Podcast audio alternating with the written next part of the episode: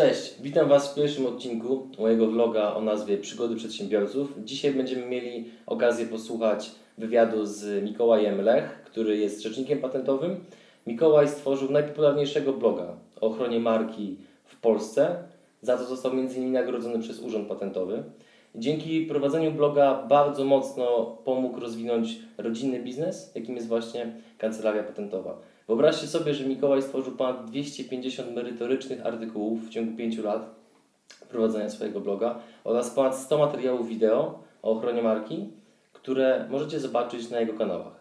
Jestem bardzo zadowolony z tego, że mamy okazję porozmawiać dzisiaj z Mikołajem, ponieważ dla mnie osobiście jest on ogromnym autorytetem, jeżeli chodzi o biznes, jak i o strefę blogową w Polsce, która bardzo dynamicznie się rozwija. Natomiast mówiąc tak troszeczkę kolokwialnie, dla mnie jest wręcz prawdziwym rzeźnikiem. Z tego powodu, że wyobraźcie sobie tak konserwatywną branżę jak wzory przemysłowe, ochrona marki, znaki towarowe, patenty. I cała ta, cały ten biznes przez działanie Mikołaja został wprowadzony do świata internetu, dzięki czemu Mikołaj swoją pracą służy bardzo wielu przedsiębiorcom w Polsce i nie tylko, budując ich świadomość pod kątem właśnie ochrony marki. Natomiast nie chcę już więcej mówić, chcę oddać głos Mikołajowi. Zacznijmy od tego, żeby Mikołaj powiedział nam, kim jest rzecznik patentowy. W ogóle chciałem Ci podziękować za zaproszenie i za to, że jestem Twoim pierwszym gościem. Z tym rzecznikiem patentowym to jest bardzo ciekawa sprawa. Pewnie sam bym o tym nie wiedział, gdyby nie to, że mój tata jest rzecznikiem patentowym. Ja jestem drugim pokoleniem i cały czas mam wrażenie, nawet wśród prawników, jest bardzo mała wiedza, czym zajmuje się rzecznik patentowy ponieważ każdy przedsiębiorca, który ma jakiś problem, mówi idę do prawnika. Pod pojęciem prawnik rozumie się czy adwokat, czy radca prawny. Nawet pewnie przedsiębiorcy dokładnie nie wiedzą, czym się te zawody od siebie różnią, a co dopiero rzecznik patentowy. E, mylą nas z jakimiś rzecznikami prasowymi. Natomiast tak upraszczając, rzecznik patentowy zajmuje się wszystkim, wszystkimi tematami przed urzędem patentowym. Oczywiście y, kwestia, która wynika bezpośrednio z nazewnictwa, czyli zajmujemy się udzielaniem, może nie udzielaniem, ale pomaganiem przedsiębiorców w uzyskaniu patentu na wynalazek. Są później również wzory y, przemysłowe, są wzory użytkowe i to, w czym ja się specjalizuję, to są właśnie znaki towarowe, czyli prawna ochrona marki. O, może nie ograniczałbym się tylko do, do, do znaków towarowych. Y, marka firmy czy marka produktu może być chroniona y, poprzez szereg przepisów, między innymi przepisów dotyczących znaków towarowych. Więc jeżeli ktoś ma jakiś wiodący produkt, to mogę zastrzec jego wygląd. Jeżeli to jest jakieś rozwiązanie techniczne, możemy powalczyć o wynalazek, ale najczęściej mało który przedsiębiorca jest na tyle mm, powiedzmy, ma na tyle skomplikowane rozwiązania, żeby chronić je jako patenty, natomiast y, prawie każdy posługuje się fantazyjną nazwą dla swojej firmy albo fantazyjną nazwą dla swojego produktu. I to, co ja chcę osiągnąć przez ten blog, to jest takie e, poszerzenie świadomości, że to jest sytuacja ważna, ponieważ e, konsekwencją tego, że zacząłem dużo pisać, jest to, że ludzie się ze swoimi problemami do mnie zwracają. Ponieważ pierwsze, co robi człowiek, który ma problem, szuka w internecie.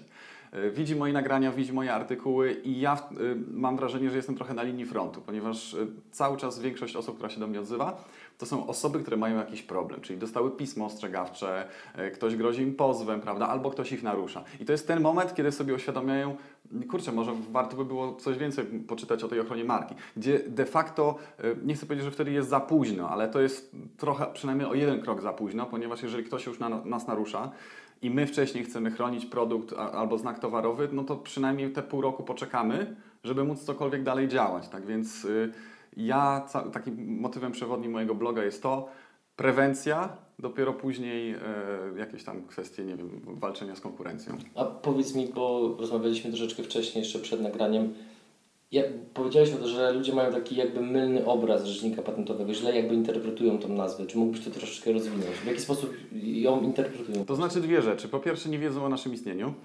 Okay. to, to nawet to, to jest grupa ludzi, która, która w ogóle nie wie, e, nie jest w stanie nas z niczym pomylić. Zdarza się, że ja słyszę rzecznik patentowy, rzecznik prasowy. E, człowiek, który załamuje ręce, ale no, rozumiem, że proces budowania świadomości nawet tego zawodu, więc trochę mam wrażenie, że, że moje środowisko, e, choć jestem teraz bardziej zauważalny, to, to wiele młodych, przynajmniej rzeczników patentowych mówi, że kawał dobrej roboty robię, ponieważ ludzie się dowiadują o tym, e, że taki zawód istnieje i że my mamy wąską specjalizację. Natomiast z racji poniekąd trochę tego, że urząd patentowy w swojej nazwie ma patenty, rzecznik patentowy również y, tutaj to słowo się pojawia, to ludzie, nawet z którymi bardzo dużo rozmawiam, cały czas mówią, o mam kolegę, który chciałby coś opatentować, to ci podeślę. I pół biedy, jeżeli tu y, mówimy o patentowaniu nazwy, prawda, czyli takie, takie określenie potoczne, ale większość osób cały czas myśli o tym, że, że jak y, rzecznik patentowy to są tylko te rozwiązania techniczne. Nawet wiele osób y, nie wie o tym, że te znaki się rejestruje. Przecież większość naszych klientów to są mali i średni przedsiębiorcy, wcale nie jakieś ogromne spółki. A w mediach jest taki przekaz, że jak jest spór o znaki towarowe, to się bije Apple ze Samsungiem, prawda, albo różne takie ogromne firmy i, i przedsiębiorcy mają przekonanie, że to jest tak drogie, że w ogóle nawet o tym nie pomyślę, mnie, mnie nie stać. Tymczasem, e, żeby tutaj nie wchodzić w szczegóły, e, koszt e, dziesięcioletniej ochrony znaku towarowego w Polsce, jeżeli mówimy o opłatach urzędowych, to jest 890 zł. Jakbyśmy to przeliczyli na, na, na miesiące, to, to, to są po prostu złotówkowe sprawy. Tak to wygląda.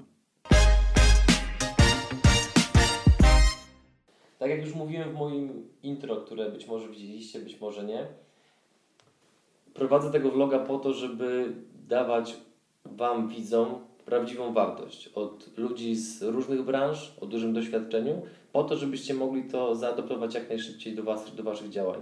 Dlatego teraz przejdźmy już do konkretów i Mikołaj, proszę powiedz nam, jeżeli oczywiście możesz, na tyle, na ile, na tyle, ile uważasz, że, że, że możesz się tymi danymi podzielić, na ile blog wpłynął na rozwój całego biznesu? Czy było warto?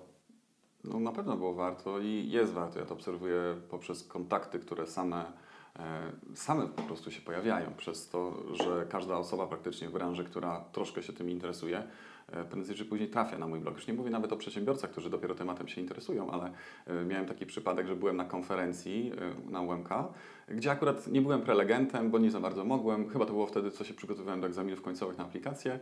E, Po czym każdy z tam z sześciu prelegentów po kolei do mnie przychodził i mi gratulował świetnego bloga i wszyscy mnie znali. Ja nie znałem nikogo, ale wszyscy mnie kojarzyli, więc to jest fantastyczny taki automat, który sprawia, że, że raz wykonana praca gdzieś tam dalej e, procentuje. To również y, wpłynęło faktycznie na, na, na rozwój kancelarii, powiększył nam się zespół.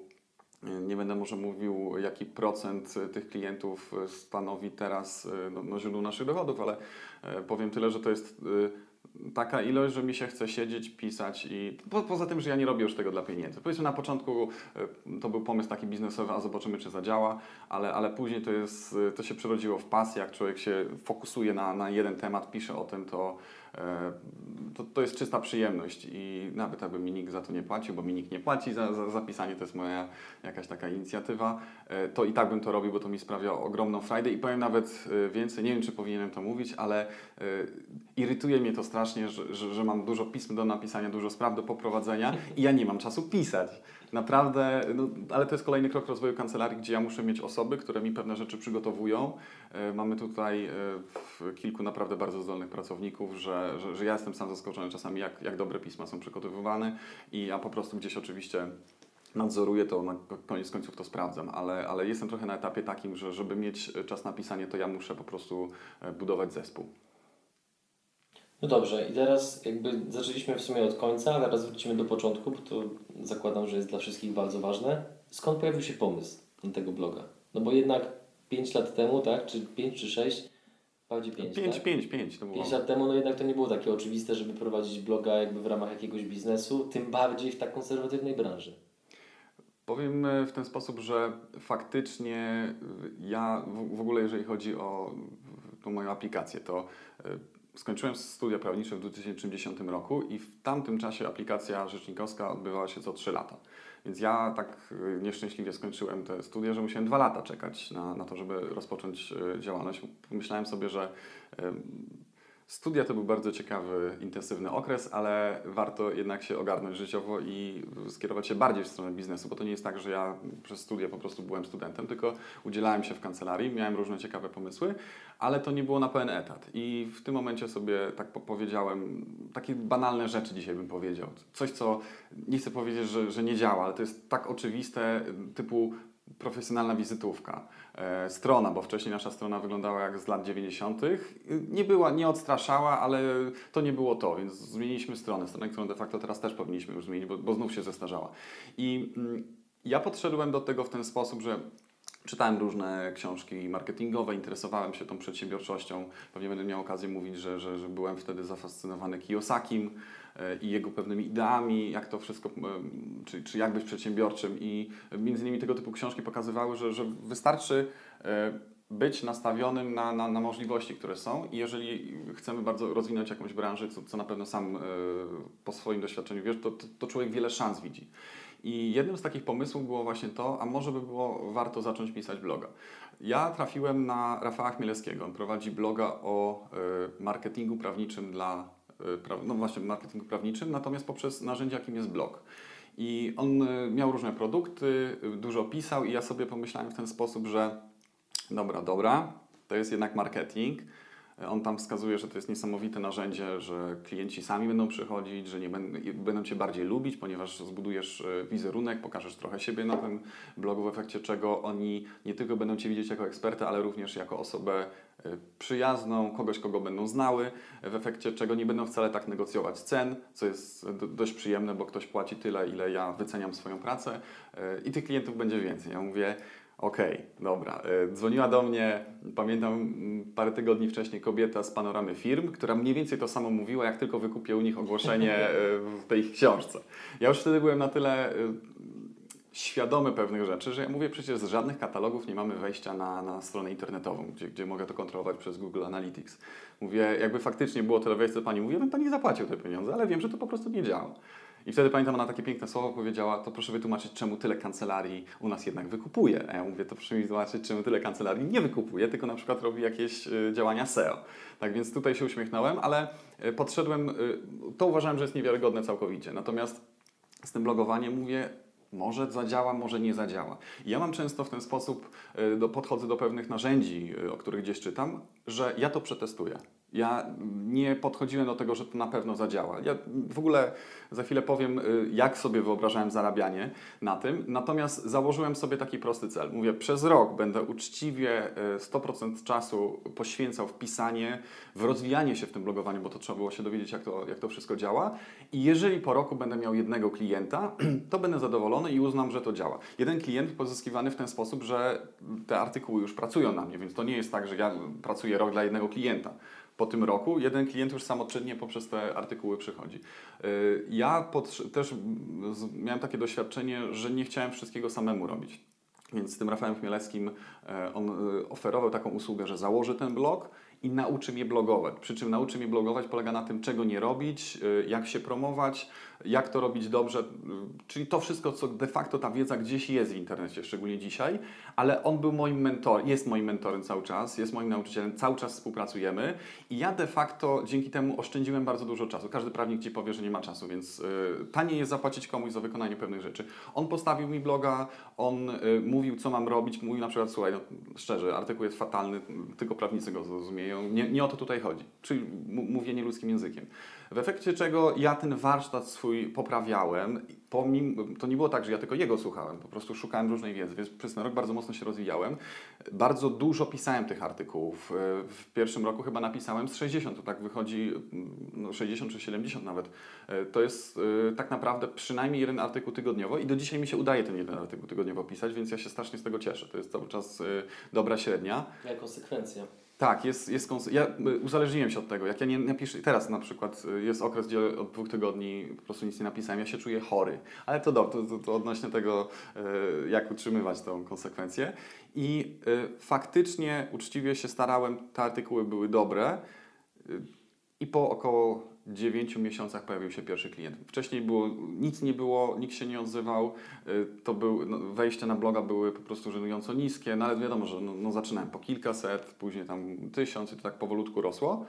I ja zobaczyłem tego pierwszego klienta, tak. I wcześniej były jakieś rozmowy. I faktycznie później pojawił się w następnym miesiącu kolejny, tych artykułów coraz, coraz więcej było.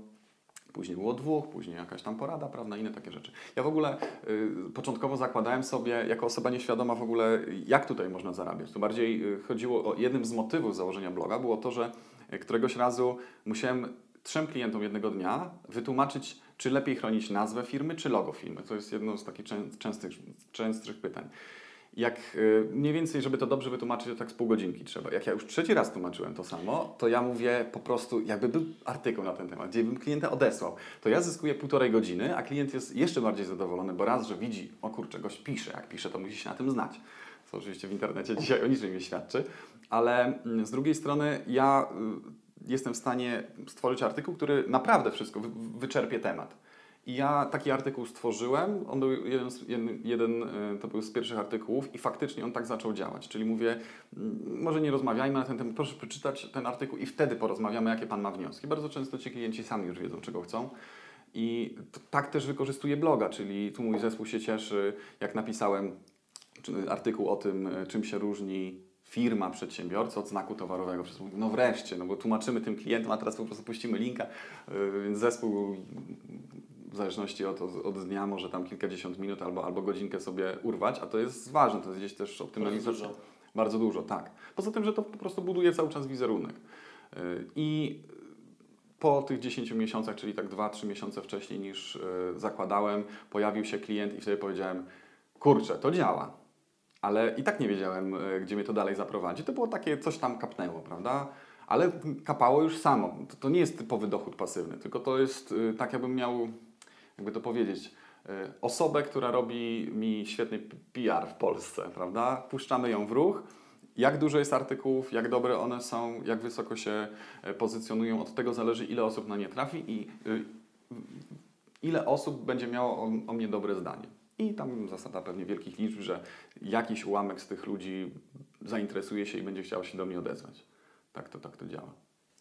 Dobrze, mnie interesuje jeszcze jedna kwestia, to znaczy inaczej, wiele kwestii, ale teraz jakby kolejna, bo wyczytałem w jednej książce, że ludzie często mają pewien opór przy zaczynaniu jakiegoś powiedzmy nowego, e, dużego projektu i tak dalej, z uwagi na to, że nie chcą być postrzegani jako nowicjusze, jako osoby, które są na początku pewnej drogi i to jakby często właśnie to, to, to, to, to poczucie blokuje je przed tym, żeby rozpocząć. No i teraz tak, Powiedziałeś, że jakby szukałeś tej, tej, tej wiedzy powiedzmy marketingowej w różnych książkach, źródłach i tak dalej, trafiłeś na bloga.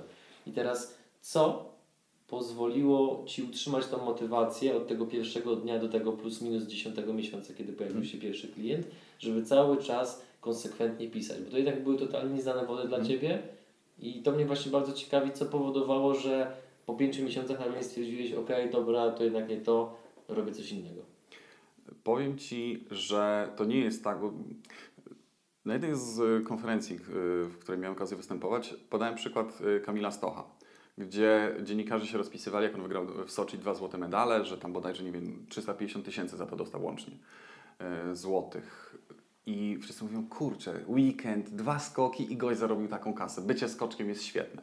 Tylko ja sprawdziłem, on, on miał chyba 27 lat. Wyobraź sobie, że on 20 lat pracował na to. 20 lat wyrzeczeń, pewnie nie chodził na, na imprezy, tak, pianiści, prawda, którzy muszą po prostu 8-10 godzin dziennie y, grać, żeby móc po, po jakimś czasie wygrać tutaj konkurs Chopinowski. Tak więc ja mówię, to nie jest tak, że, że w tym momencie y, my widzimy efekt, ale nie widzimy, y, co było spowodowane tym, czy, czy, czy jakie rzeczy trzeba zrobić, żeby ten efekt osiągnąć. Kiedy ja zaczynałem pisać i pamiętam dos doskonale z pierwszym artykułem, ja sobie mówiłem, kurczę, byłem chłopakiem po studiach, dopiero, dopiero dostałem się na aplikację. Były myśli, a może skończę, będę się podpisywać jako rzecznik patentowy, może skończę aplikację, wtedy zacznę pisać. E, kim ja jestem? Są profesorowie, którzy piszą świetne książki, są świetni tutaj, e, naprawdę rzecznicy patentowi z, z ogromnym doświadczeniem, 30-40-letnim. Ja, który będzie pouczał ludzi, jak chronić markę. Natomiast y, mam w sobie takie, taką dobrą cechę, czyli e, taka lekka buta i, i często, ale nie, nie w tym negatywnym sensie. Pod, podszedłem do tego, co, ja nie dam rady? To jest y, jak z przemówieniem publicznym. To jest trudne, prawda? Ale wyjdę, mówię, co, nie poradzę sobie.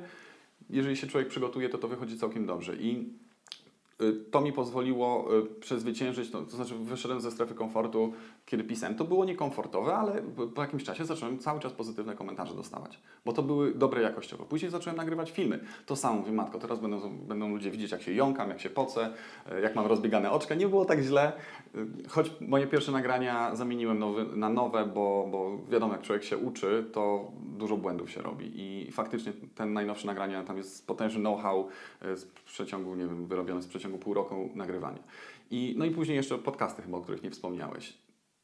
Co mnie motywowało przez te 5 lat? Szczerze mówiąc, ja, ja mam też taką cechę, że, że jestem w stanie e, długo pracować nad jakimś tematem przy założeniu, że, że korzyści z tego są odroczone.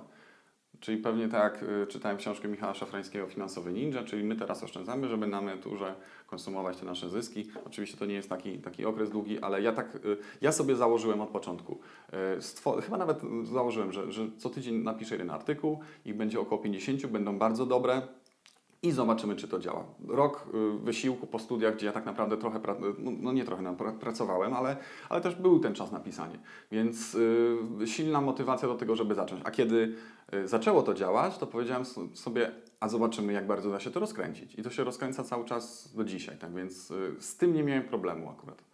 Teraz przejdźmy do kolejnego pytania, które myślę, że dla wielu oglądających będzie również dość istotne, bo no, często jest tak, że mamy jakiś pomysł i, i chcemy coś zrobić, ale odkładamy to. Odkładamy i to trwa tydzień, miesiąc, e, czasami dłużej, ten czas leci, nigdy go nie odzyskamy. I pamiętam, że kiedyś jak rozmawialiśmy, to właśnie powiedziałeś coś takiego, że, że, że troszeczkę żałujesz, że tak długo zwlekałeś z rozpoczęciem właśnie bloga i tak mówiłeś, że gdybyś to właśnie zaczął wcześniej, to tych artykułów byłoby znacznie więcej i no byłbyś powiedzmy jeszcze dalej niż jesteś w tej chwili. Co opóźniało start bloga? To właśnie się zastanawiam, co opóźniałem. Natomiast y, ja, tak jak mówiłem, w 2010 roku skończyłem studia. Blog ruszył w styczniu 2013 roku, czyli po dwóch latach. I czy po półtora roku można powiedzieć, bo przecież y, ja niestety się we wrześniu broniłem. tak, tak, ale na swoje usprawiedliwienie powiem, że na dwóch kierunkach, w przeciągu trzech dni od siebie, więc to były dwie dobre prace, ale obronione we wrześniu w przeciągu trzech dni. Ja sobie wtedy gdzieś tam czytałem o marketingu prawniczym i pomyślałem sobie, a dobrze by było, co, co by było, gdybym zaczął pisać? Czy miałoby to jakieś przełożenie na rozwój kancelarii? I to, co, o czym Ci mówiłem, to ja z tym pomysłem woziłem się praktycznie rok. I dopiero po roku napisałem do, do Rafała Chmielewskiego z pytaniem, y, jakie są koszty, ile jego obsługa tutaj kosztuje. Umówiliśmy się jesienią i faktycznie chwilę, niedługo to trwało, może dwa miesiące, technicznie przygotowanie wszystkiego, żebym mógł w styczniu ruszyć.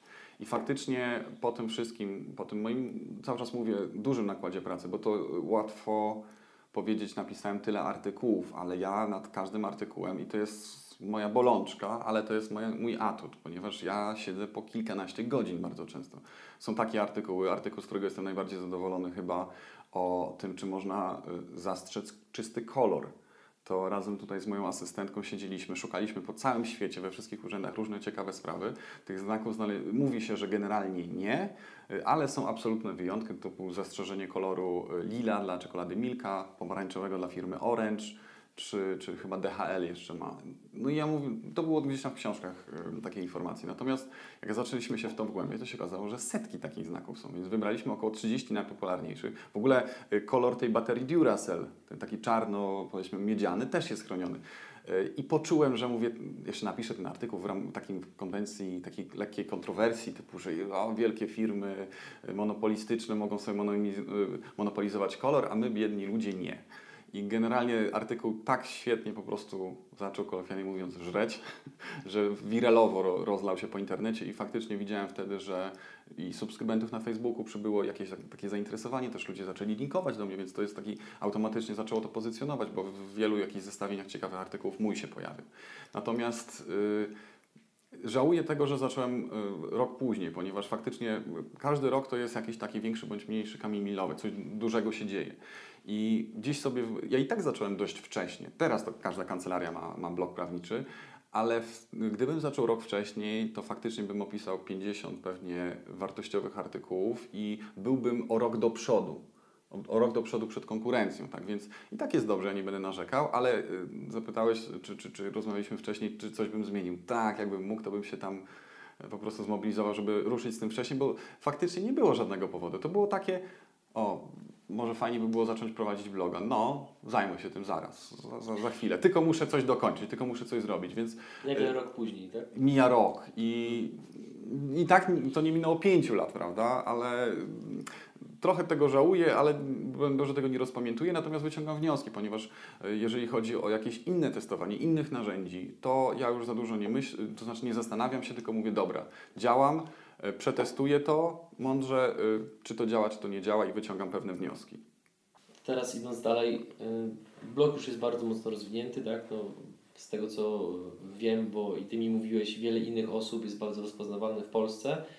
Generuje on, z tego co mówiłeś, klientów i tak dalej. Natomiast jaka jest jeszcze, powiedzmy, taka, nie wiem, wartość dodana tego bloga? Czy w związku z nim są, pojawiły się jakieś, powiedzmy, nie wiem, nietypowe historie, jakieś ciekawe zbiegi okoliczności, coś, czego byś się nie spodziewał? Nie spodziewałem się tego, y, że y, klient z bloga jest, tak można powiedzieć, najlepszym kli naszym klientem. Y, Dlatego, że bardzo często jest tak, jak przychodzi osoba, może nie przychodzi z ulicy, ale jest jakie- jakieś zapytanie na stronę naszej kancelarii, to Szanowni Państwo albo Panie Mecenasie, czy mógłby Pan przedstawić honorarium za takie czynności prawne? Bardzo oficjalnie, dystans kosmiczny, prawda? Pewnie ma taka osoba wizję y, prawnika jako takiego smutnego gościa w garniturze, który za jakimś dębowym stołem stoi, a on się taki mały czuje. To jest taki, taki, taki y, stereotyp, ale wiele osób tak myśli. Natomiast osoba, która wchodzi na bloga, widzi y, mnie, jestem uśmiechnięty, w zakładce o mnie widzi zdjęcia na przykład kancelarii sprzed y, 20 lat, czarno-białe, gdzie, gdzie tutaj założyciel kancelarii, mój tata Wojciech Lech, siedzi przed kineskopowym monitorem wielkim. Widać, że wiadomo, no, no, piękny, szczuplutki, y, gęste włosy. I, y, I on to zaczyna w latach, y, rok 90, prawda? I ja mówię, to jest człowiek, który mnie wszystkiego nauczył. To jest osoba, z którą cały czas współpracuję. To jest nasz team. Tak się zmieniliśmy i ja jestem teraz na tym etapie, że może nie, nie prowadzę, ale po prostu mam duży wpływ na rozwój tej kancelarii. I ci, poza tym patrzę na artykuły, w których ja nie, tak jestem jaki jestem. No, uśmiecham się, czasami się zająknę, y, staram się pokazywać moje poczucie humoru, y, też przelewając, y, pokazując różne ciekawostki o tych znakach, w efekcie czego widzą, że gość się na tym zna. Po drugie, to fajny człowiek. Przynajmniej mam nadzieję, że, że tak myślą. Przynajmniej, albo jeszcze inna sprawa. Ci, którzy się odzywają, to są te osoby, którym być może mój styl bycia odpowiada. Natomiast tych, których drażnię, oni w ogóle się y, no, no nie odzywają do mnie, w efekcie czego pracuję tylko z tymi fajnymi, kolokwialnie mówiąc, klientami. Każdy zyskuje. Tak, każdy zyskuje. No taka droga eliminacji. My też nie z każdym klientem chcemy współpracować. Jeżeli, no, jeżeli ktoś sprawia jakieś problemy, prawda, to lepiej w ogóle tego klienta nie brać do siebie niż y, męczyć się później. Więc jeżeli on, ja, mój styl mu nie odpowiada, bo wyobraża sobie mecenasa, jakiego tego poważnego gościa i inny styl mu nie odpowiada, no to, no to świetnie, no to po prostu idź do takiego mecenasa. Ja jestem taki, jaki widzisz, E, Jestem transparentny w tym, co prezentuję na blogu, w efekcie czego dzwonią ludzie i faktycznie z Panie Mikołaju, świetny artykuł, ja wszystko wiem, potrzebuję Pana pomocy. To jest to często. Ja wiem, czego mi brakuje, nie mam takiej umowy, nie mam tego, muszę znak zarejestrować, proszę mi to zbadać na te kraje, mniej więcej koszty znam, proszę powiedzieć, jakie jest Pana honorarium. I to jest po prostu piękna sytuacja. To jest kontakt taki jak z naszymi stałymi, najlepszymi klientami. I to w sytuacji, kiedy ja e, po prostu no poza napisaniem artykułu nie muszę nad tym w żaden sposób kontrolować. Po prostu to już samo się dzieje. Ale efektem y, tej rozpoznawalności było to, co, czego się zupełnie nie spodziewałem, czyli budowanie wizerunku wśród osób, których ja nigdy na oczy nie widziałem. Wspominałem na początku o tej konferencji, to było też bardzo miłe. Prelegenci, czyli osoby będące autorytetami w branży, podchodziły, wypytywały mnie jakieś szczegóły. Y, To było bardzo miłe, bardzo budujące, ale jedną z ciekawszych sytuacji, jakie miałem, y, to odezwał się do mnie pewien doktor prawa. Ja tak sobie po naszej rozmowie mówię, skądś kojarzę to nazwisko. Okazało się, że to był jeden, y, może nie tyle z moich y, wykładowców na studiach, bo to bym pamiętał, ale ja się z jego książki uczyłem, więc to był jakiś powiedzmy autorytet y, z pewnej dziedziny prawa. Y, Po czym on powiedział, że ma kontakt z, z pewną panią z Urzędu Patentowego, z ekspert i się za, on prowadzi kancelarię i się mnie, jej zapytał, czy ten Mikołaj Lech zna się na tych znakach, bo chciałby komuś podzlecać coś. Ona mówi, jasne, mam o nim bardzo dobre zdanie. I najciekawsze jest tak, tego człowieka w życiu na oczy nie widziałem i tej ekspert też. Tak więc ja dopiero później na aplikacji miałem z nią wykłady i wtedy sobie uświadomiłem, że przecież cała branża gdzieś tam czyta te artykuły i wyrabiam sobie przez to zdanie, więc nawet polecają mi osoby, których nie znam. Zdarza się, że dzwoni do mnie klient, Panie Mikołaju, Pan Robert z Lublina mnie poleca. Pana poleca. Ja mówię, "Mm, świetnie, proszę podziękować. I ja się nie przyznaję, że ja nie wiem, o kogo chodzi. No, wiadomo, że są, e, mam wielu znajomych wśród prawników i, i bardzo wielu y, będę kojarzył oczywiście z tymi, z którymi rozmawiam, ale dość często zdarza się tak, że ja po prostu nie wiem, kto to jest.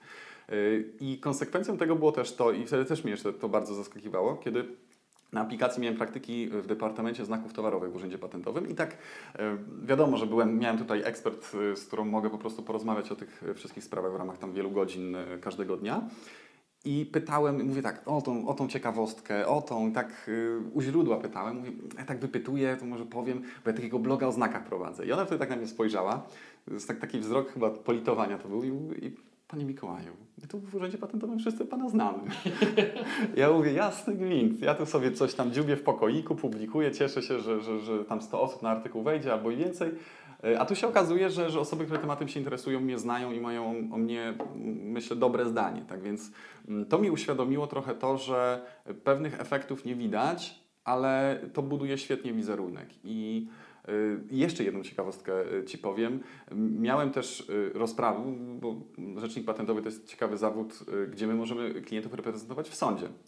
Więc miałem taką sytuację, gdzie e, po prostu mój przeciwnik procesowy tak do mnie podszedł, wiadomo, no kurtuazyjnie się wcześniej witam, mówi, a pan chyba pisze w internecie, ja czytam pana vloga. Tak, ja mówię, świetnie, to znaczy to, to niczym nie świadczy w kontekście tej, tej rozprawy, ale może gdzieś tam w tył głowy miał, kurczę, gość się na tych znakach zna, nie będzie tak łatwo, prawda? Ciężko będzie go zagiąć, więc to na pewno wizerunkowo pomaga. I yy, w ramach takiej jeszcze jednej ciekawostki, gdzie ja już w którymś momencie na blogu napisałem, żeby yy, bo często jest tak, jak Ci mówiłem, jeżeli ktoś ma problem, to pierwsze co szuka w internecie gdzieś tam trafia na te moje artykuły. Później napisałem, żeby ludzie, którzy potrzebują jakiejś pomocy, są, czy, czy czeka ich sprawa sporna albo mają jakieś pismo ostrzegawcze, to żeby się pytali mnie wcześniej, czy ja nie mam konfliktu interesów. Ponieważ miałem sytuację taką, gdzie jednego dnia odezwała się do mnie pewna pani, że, że ma problem z człowiekiem, który ją ponoć narusza i tak opisała to wszystko. No po czym przyjęliśmy od niej pełnomocnictwo i przygotowywałem się do, do, do wysłania pisma ostrzegawczego, żeby tą sprawę jakoś tam wyprostować. I po dwóch dniach odezwał się do mnie właśnie ten człowiek z takim wielkim elaboratem, że jakaś kobieta go tam męczy, nęka tutaj i, i czy mogę mu pomóc. I na wszystko wyłożył czarno na białym, jak on to widzi. Wszystkie drogi prowadzą do Twojego bloga. I no, ja mu tylko odpowiedziałem, no przykro mi, powiedzmy, Panie Robercie, ale mam konflikt interesów. Za chwilę, proszę poczekać parę dni, dostanie Pan pismo od nas. Tak więc y, oczywiście wszystko grzecznie, ale ja nie chciałem nawet tego czytać, no ale dostałem tego maila, mówię, matko, to jest ta, ta sama sprawa. Tak więc ja teraz mówię, jeżeli ktoś faktycznie ma problem, to się bardzo rzadko zdarza. Takich historii y, typu, że, że dwie strony się do mnie odezwały, przez te pięć lat może miałem dwie albo trzy y, ale się zdarzają i, jeżeli, a, a, przecież to może być sprawa o jakieś duże pieniądze, więc y, nie chciałbym nikomu no, idźmy po prostu, róbmy to wszystko mądrze. Czyli najpierw e, pytanie, czy nie ma konfliktu interesów, a później e, jak, jak nie ma, zazwyczaj nie ma, to, to idziemy dalej. Ale, ale to wszystko pokazuje, się po prostu sam, sam uśmiechnąłem, e, że, że w takich sytuacjach ja nic nie robiłem. Ja po prostu ogromny, pewnie tysiące godzin spędziłem na pisaniu tych artykułów, tworzeniu. E, to jest piękny rodzaj też marketingu, ponieważ ty dostajesz za darmo tą wiedzę. Ja nic od ciebie nie chcę. Natomiast jeżeli ty uznasz, że, że temat jest zbyt skomplikowany, albo Twój czas jest zbyt cenny i chcesz podzlecić komuś, to ja zajmę się dla Ciebie rejestrowaniem znaku, ja poprowadzę sprawę sporną. Zresztą te sprawy sporne to jest ostatni etap, bardzo często wszystko w ramach jakichś negocjacji czy wymiany pism się zamyka. Tak więc y, teoretycznie nie trzeba działać przez rzecznika patentowego, ale być może pismo wysłane, podpisane przez Mikołaja Lecha trochę większe wrażenie zrobi niż, niż jak to ktoś prowadzący działalność gospodarczą sam takie pismo napisze, prawda? Oczywiście. Tak więc y, świetnie, no, to mi daje dużą satysfakcję. Satysfakcję, takie poczucie, że, że moja kariera zawodowa idzie w dobrą stronę i to odpowiada trochę to na, na pytanie, y, co mnie motywuje do, do pisania, prawda? No, sprawia mi to ogromną frajdę. Napisanie jakiegoś artykułu albo na, napisanie artykułu na temat, który nie był jakoś dobrze, dobrze przedstawiony. O tych kolorach gdzieś pojawiały się artykuły, ale tak, żeby zrobić y, zestawienie 30 kolorów i przedstawić to tak w sposób jasny. Przecież tam jest taka ciekawostka, to może teraz zdradzę, że znalazłem kolor czarny dla papieru toaletowego. Ja autentycznie kupiłem ten papier toaletowy, mało tego, już teraz moja żona się ze mnie śmiała, bo ja wydałem na to 50 zł i kupiłem w takiej tubie ten, ten papier był, jak, jak jakieś dobre koniaki się sprzedaje i trzy czarne rolki papieru. Ja mówię, nie, to musi być, to będzie fantastyczny y, fragment nagrania, taki wzmocnienie wypowiedzi. No, mogę wyciągnąć czekoladę Milka, ale to jest, każdy to może zrobić, a taki papier i, i wyciągnąłem go, odkręciłem, mówię, nie uwierzycie, co tutaj w środku jest, prawda? To chyba jakiś Chodorkowski albo inni bogacze po prostu sobie wyjmują pilnują. się śmialiśmy, że później będzie dla gości, jak, jak przyjdą, pokażemy. No, oczywiście leży to gdzieś, gdzieś na półce, ale, ale fantastycznie, zobacz, no to jest fantastyczna zabawa. Szukasz tego, bawisz się jak arche, archeolog. To gdzieś się znalazło w jakiejś y, książce, nawet tam nie było napisane, że to jest do papieru toaletowego, tylko że jest kolor czarny dla jakichś chusteczek higienicznych. Ja wszedłem i mówię, tak, ale poza chusteczkami jest papier toaletowy. Mówię, jak można papier toaletowy zastrzec, po prostu kolor czarny. No i z- takie ciekawostki znalazłem. Wiadomo, że ten artykuł był złożony z obrazów. Yy, Zresztą jak yy, on trafił na wykop, to, to później zobaczyłem, że średnio ta fala, która się przetoczyła przez ten blog, to średnio ludzie 30 sekund byli na, na artykule. Nie ma szans, żeby ktoś to przeczytał, ale pewnie obrazki przejrzeli. Ale co setna osoba może się zastanowiła, kim jest ten człowiek i gdzieś tam tego bloga później obserwuje. Tak więc koniec końców yy, wyszło rewelacyjnie moim zdaniem. Czy mógłbyś nam powiedzieć coś więcej na temat tego, skąd bierzesz pomysły na artykuły? Bo jednak to jest, wydaje mi się, dość istotna kwestia, żeby jednak dawać ludziom to, czego chcą. Jak zajmujesz się danym tematem i gdzieś już powiedzmy trochę jesteś bardziej rozwinięty niż, niż nowicjusz, bo przecież może być sytuacja, że jakiś młody prawnik dopiero chce wejść w jakąś branżę, zaczyna pisać, no to faktycznie będzie musiał sobie jakąś tą listę artykułów stworzyć, ale jeżeli jesteś praktykiem w danej, danej dziedzinie, to wiesz z jakimi problemami borykają się przedsiębiorcy. Ja zacząłem dostawać na przykład szereg pytań o to, y, jak zablokować reklamę konkurencji na nazwę firmy. Mówię tutaj o reklamie Google AdWords. To napisałem kilka artykułów.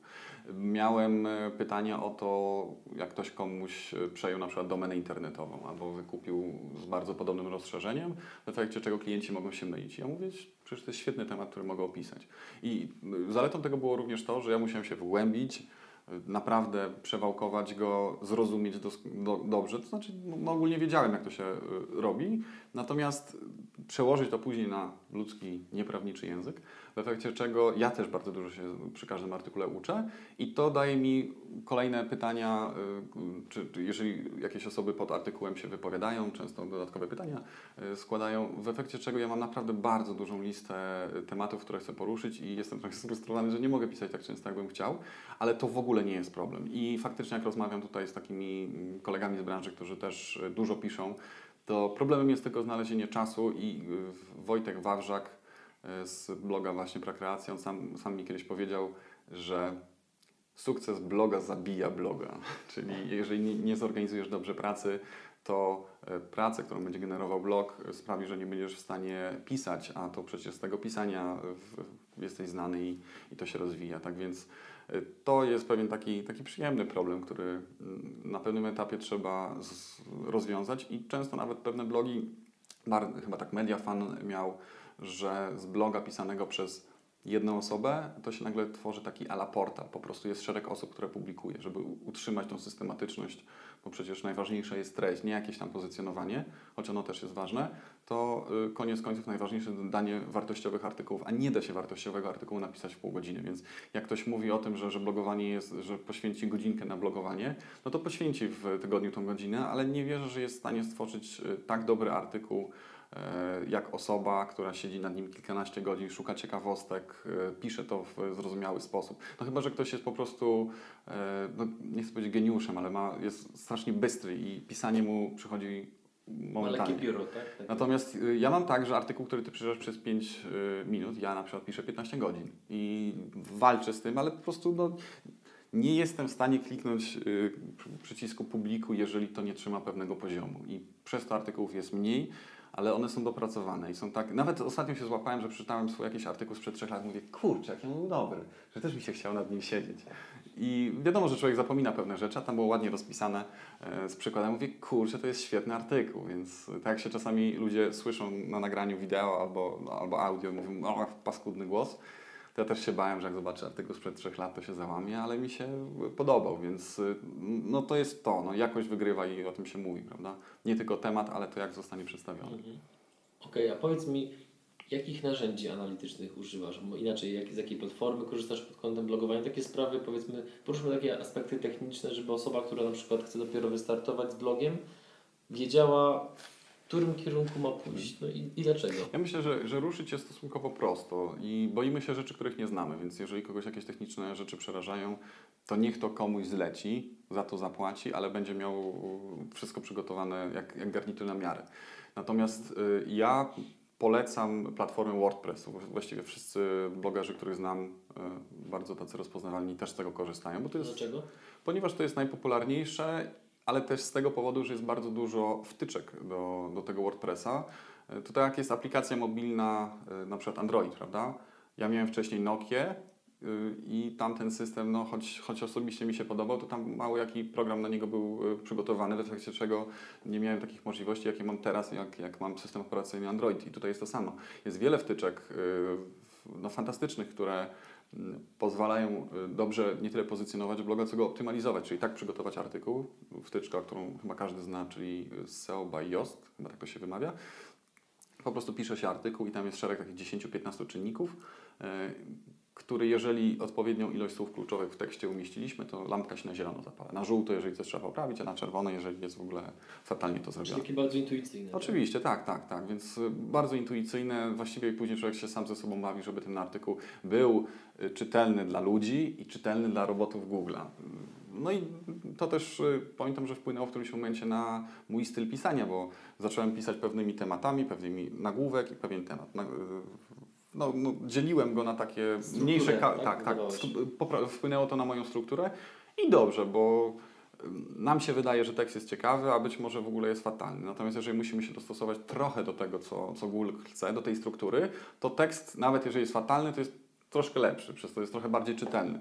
Często ludzie nie czytają całego artykułu, tylko go skanują, więc y, ty, być może nie, nie interesuje takiej osoby cały artykuł, ale konkretny fragment, więc jest w stanie go znaleźć i, i też uzyskuje to co, to, co chciała, więc to wpłynęło na to. No poza tym gdzieś tam analizuję y, poprzez Google Analytics, y, jakie są odwiedziny, to nie mam jakichś takich tutaj specjalistycznych narzędzi mm, do tego. Część jakichś tych pluginów wgranych do tego WordPressa, to ja nawet nie wiem, które to są, ponieważ, tak mówiłem, ja, ja to zleciłem na zewnątrz i dostałem bloga od razu, który miał pe- pewne wtyczki, które są bardzo potrzebne i dla mnie, ja nawet nie wiem, czy one były dograne, czy to WordPress już sam w sobie miał takie rzeczy, tak więc, ale o tym można bardzo dużo w internecie poczytać, jak, jakie to są wtyczki, więc y, ja sobie ułożyłem wszystko tak, że staram się tworzyć wartościową treść, y, mniej więcej wiem, jakie wtyczki pomagają i one są u mnie na blogu i w ramach tego wszystkiego po prostu działam. Y, Błąd, jaki popełniłem na początku, to było to, że nie zbierałem adresów mailowych. Bo to jest takie trochę dy- dywersyfikacja. Gdyby coś się stało z blogiem, gdyby coś się stało z Facebookiem, to mógłbym zawsze, mam tam listę już grubo ponad tysiąca osób na subskrypcji, gdzie przy każdym artykule albo jak mam jakąś ważną informację, to tym osobom to wysyłam. Tak więc trochę staje się niezależny i ja to chyba bodajże po dwóch latach prowadzenia bloga mm, dopiero zacząłem stosować, więc no to jest trochę czas zmarnowany. No właśnie, tutaj dotknęliśmy jakby kolejnego pytania, które chciałem Ci zadać. Jakie były powiedzmy takie trzy, powiedzmy najbardziej z Twojej perspektywy kluczowe, rażące błędy, które popełniłeś rozwijając bloga, które jak gdybyś mógł się cofnąć w czasie, zrobiłbyś Mhm. zupełnie inaczej. Zacznę może od tego, co zrobiłem dobrze. Uważam po tylu latach, że to była świetna decyzja, że, że nie robiłem wszystkiego samemu. To znaczy pisałem oczywiście sam, ale to, że ja się z, z Rafałem Chmielewskim skontaktowałem i on mi tyle pomógł, to mam wrażenie, że jakby mnie, tak jak straciłem pierwszy rok na zastanawianie się, czy zacząć blogować, tak dzięki temu zyskałem dwa lata, bo tą wiedzę pewnie w praktyce, e, pisząc wiele złych artykułów, e, nauczyłbym się po dwóch latach. Więc on mi pozwolił oszczędzić te dwa lata, które w internecie to jest wieczność. Czasu. Tak, więc to zrobiłem dobrze i uważam z perspektywy czasu, że to była świetna decyzja. Natomiast y, pierwszy, czyli nie zbierałem kontaktów mailowych za na przykład y, zapi zapisanie się na newsletter, no, nawet nie na newsletter, bo to najlepiej działa, to też mogę zdradzić, to też nie jest tajemnicą, y, danie coś w zamian, czyli ściągnij mojego e-booka, miałem, jest napisany taki e-book, który jest prawie że pracą licencjacką na ponad 40 stron, jak y, 10 rzeczy, które musisz wiedzieć o prawnej ochronie marki, który został wyróżniony z kolei w konkursie Urzędu Patentowego i ja mówię, zap- wystarczy, że się zapiszesz na newsletter, dostajesz go gratis. I tak to działa i system sam to e, wysyła. Można to zrobić całkowicie za darmo, są e, Freshmail bodajże, albo Mailchimp, już nie wiem, który e, pozwala do 2000 subskrybentów nie płacić opłat za, za, za utrzymanie tego. Wiesz, Czyli na sam początek to jest jakby Tak. idealne rozwiązanie. tak, tak, tak. On, on tam ma jakieś ograniczenia, natomiast y, bardzo dużo rzeczy da się zrobić bezkosztowo. Ta, ta wtyczka też jest w pełni funkcjonalna SEO by Yoast bez jakichś opłat, tak więc y, ja, ja zresztą też mam tą niepłatną wersję i w tym momencie y, możemy się skupić tylko na pisaniu, czyli powiedzmy te maile to była jedna rzecz. Myślę, że coś, co początkowo zaniedbywałem, to było też promocja tych artykułów. Pisałem go, wrzucałem chyba na Facebooka i tyle. Natomiast warto y, czasami y, nawiązać kontakt z jakimś y, serwisem, gdzie była sytuacja taka, na przykład napisali artykuł o tych kolorach i udało mi się na kilka stron odezwać się do tych osób. Mówiłam, mam taki artykuł, może by go byście uzupełnili swoją treść, że ten gość napisał ciekawy artykuł o kolorach od strony prawnej, bo, bo jakoś marketingowo ktoś przygotował tekst o tym, jak to wpływa na odbiór danej strony kolory, prawda? I gdzieś to w kilku sytuacjach się udało, gdzieś powiedzmy komentować e, blogi e, tematyczne, czy, czy strony tematyczne, przez co ludzie mogą zobaczyć, e, o czym ja piszę. Czyli za późno, czy może nie za późno, no ale to znowu, znowu straciłem trochę czasu, bardziej skupiłem się na pisaniu, a mniej na, na jakiejś promocji. Słyszałem nawet takie opinie, że, że w, w 20% czasu powinniśmy przeznaczyć na pisanie, a 80% na promocję, czyli 80, czyli powiedzmy 80% czasu razy te tam 15 godzin to jest na pełen etat, dwa tygodnie później promuję wpis. No może tak nie jest, ale faktycznie jak, jak pisałem artykuł o, o klinikach, to później poszukałem różnych artykułów, gdzieś tam się wypowiedziałem. Oczywiście, broń Boże, nie tak na zasadzie, że napisałem taki artykuł, zobaczcie, jest fajny. Tylko oczywiście pisałem merytoryczną wypowiedź i mówię, że to jest wątpliwe, aczkolwiek ja uważam, że na przykład posługiwanie się słowem klinik, e, tym angielskim słowem, e, jest niedozwolone, o czym pisałem tutaj, jakby kogoś to zainteresowało. I, i faktycznie e, to jest dobra rzecz. Natomiast trzecia rzecz, ciężko mi powiedzieć. Nawet jakbym, ja bym po prostu zaczął rok wcześniej działać i tylko tyle. No, nie ma tych błędów jakoś, jakoś strasznie. No, na pewno zawsze da się lepiej organizować czas, tak żeby gdybym lepiej organizował, to bym pewnie więcej pisał, ale też jestem człowiekiem i, i postanowiłem sobie, że, że w weekendy nie pracuję. Więc y, to już świadom. No, nie można, praca to nie może być 100% wszystkiego, Oczywiście. tak, bo, bo psychicznie po prostu człowiek zwariuje po, po jakimś czasie. Powoli zbliżamy się do końca, więc daj mi taką ciekawostkę na sam koniec, a mianowicie poznaliśmy się 9 lat temu w miejscu, które wydaje mi się, że dla oglądających, zwłaszcza oglądających Ciebie, będzie dość nietypowe, no bo wyobraźcie sobie, że ten człowiek ubrany w bardzo dobrze skrojony garnitur, mający gigantyczną merytoryczną wiedzę, jest, y, jak widzicie, bardzo przystojnym mężczyzną i on trenuje MMA. Od wielu lat walczy w klatce. Sam miałem przyjemność. e, No, amatorsko, amatorsko. Okej, amatorsko, natomiast ja miałem wielokrotnie przyjemność e, mieć z nim sparingi i tak jak tutaj widzicie bardzo przyjemnego i sympatycznego człowieka, to wierzcie mi, że nie chcielibyście się znaleźć z nim w klatce. Nie chcielibyście. I czy mógłbyś nam coś o tym więcej powiedzieć? Zepsułeś. Myślałem, że za, zapytasz mnie, gdzie się poznaliśmy, a już miałem odpowiedź, że na balecie. Okej. Więc nie będzie zaskoczeniem. Tak, no, y, zacząłem w 2007 roku. Ty chyba tam rok czy dwa lata później Tak. zacząłeś trenować. Z jakichś powodów po prostu to jest, można powiedzieć, y, zdrowy sposób, y, aby poczuć się męsko, prawda? Czyli Okej. potrenować sport walki w takich zdrowych warunkach. Wiadomo, że no, jak każdy sport walki, on też jest trochę kontuzjogenny, ale miałem jedną walkę amatorską, którą mi się udało y, wygrać, więc ja tam sobie z, ze znajomymi się klepię, kulamy się na tej macie. To nie jest tak, że jestem jednym z tych zabójców, którzy w tej klatce walczą zawodowo. O, Ale, ale mamy, mamy naszych e, wspólnych znajomych, którzy świetną karierę zrobili. E, Michał Andryszak, e, Marcin Wrzosek, którzy, którzy walczą w największej gali, e, na największych galach tutaj w Europie, czyli w KSW. E, Marcin walczył również w UFC. Ja pamiętam go jak jednego i drugiego, jak zaczynali. Jak ja byłem wcześniej, że tak powiem, ci wcześniej, więc miałem przez kilka miesięcy, byłem w stanie gdzieś tam trochę wy, wygrywać z nimi bardzo szybko oczywiście, jako, jako i zdolni, i bar, bardzo pracowici. Po prostu szybko mi przeskoczyli, ale to jest też dla mnie, no, o Marcinie bardzo często mówię, że to jest dla mnie taki wzór do naśladowania, bo on miał kiedyś rękę złamaną i przychodził na trening, po prostu drugą trenował, w prześladę wszystko. Więc y, złamana ręka to nie był problem. I on faktycznie, y, uważam, bo to też jest w kontekście biznesowym ważne, to nie jest, bardzo często ludzie do mnie się zwracają i mówią, no, ale wpadłeś w świetną niszę, prawda, ale ty, ale ty, ja bym nie mógł tak pisać, bo ty masz talent, Tak prawda. to racjonalizują.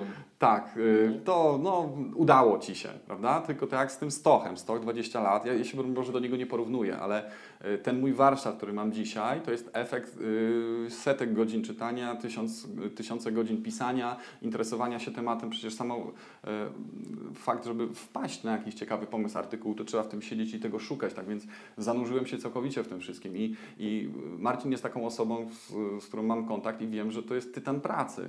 Gdzie on w Anglii pracował, to rano poszedł na przykład biegać i, o siódmej do, do pracy cały dzień pra, pracował, żeby wieczorem pójść na jakiś normalny trening. Tak więc y, ja staram się też czerpać inspirację z takich osób y, ze sportu, gdzie widzę i bardzo często jest tak, że nie wygrywają ci nawet najlepsi, tylko ci, którzy są zdeterminowani. I wracając do tych sportów walki, jak ci zawodnicy, na przykład UFC, e, idą do ringu i widać, już widać w oczach, w ich zachowaniu, przynajmniej ja potrafię to wyczuć, e, czasami, no w większości przypadków widzę, któremu bardziej zależy, jeżeli to jest już jakiś na przykład e, człowiek przed e, emeryturą, to często tak jakby potrzebował udowodnienia czegoś, więc e, ta publiczność oczekuje, że, że go będzie tam oklaskiwać, to mu siły doda, a jest młody po prostu fanatyk, no Conor, prawda, który no widać, że, że psychicznie niszczy i ma ta, taka mentalność, ja mam wątpliwości, czy on jest naprawdę najlepszy, ale to, co on robił, jeżeli chodzi o, o rozmowę, czy, czy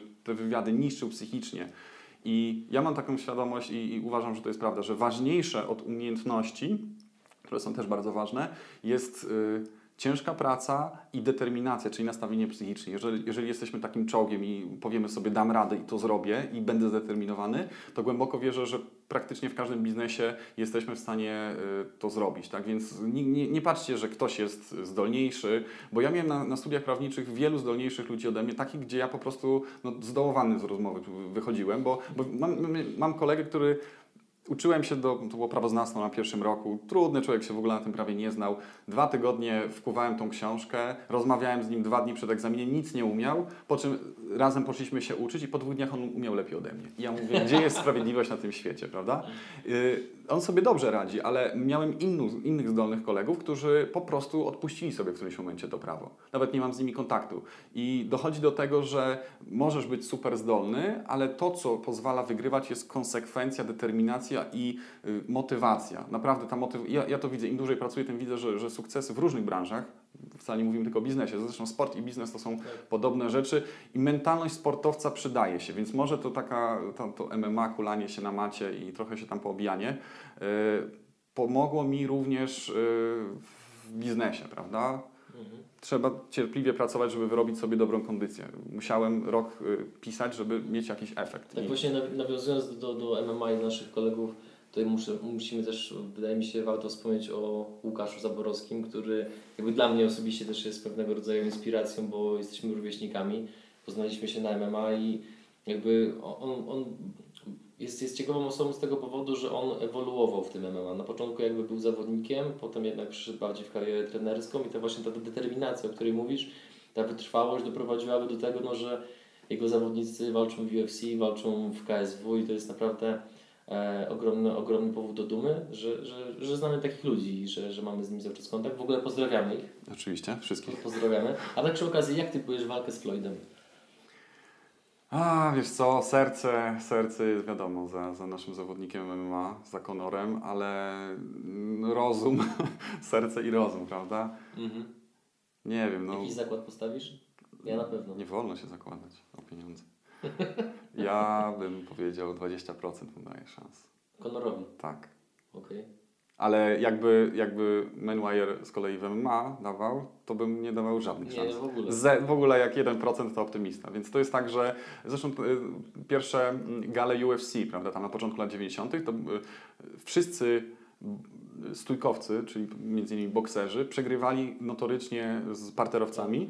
Pamiętam, czytałem też o tym jedną galę, czyli jedna taka drabinka była zrobiona dla osób, y, które były graplerami, tam, czy z jiu-jitsu, czy innych takich tego typu rzeczy, tam z judo.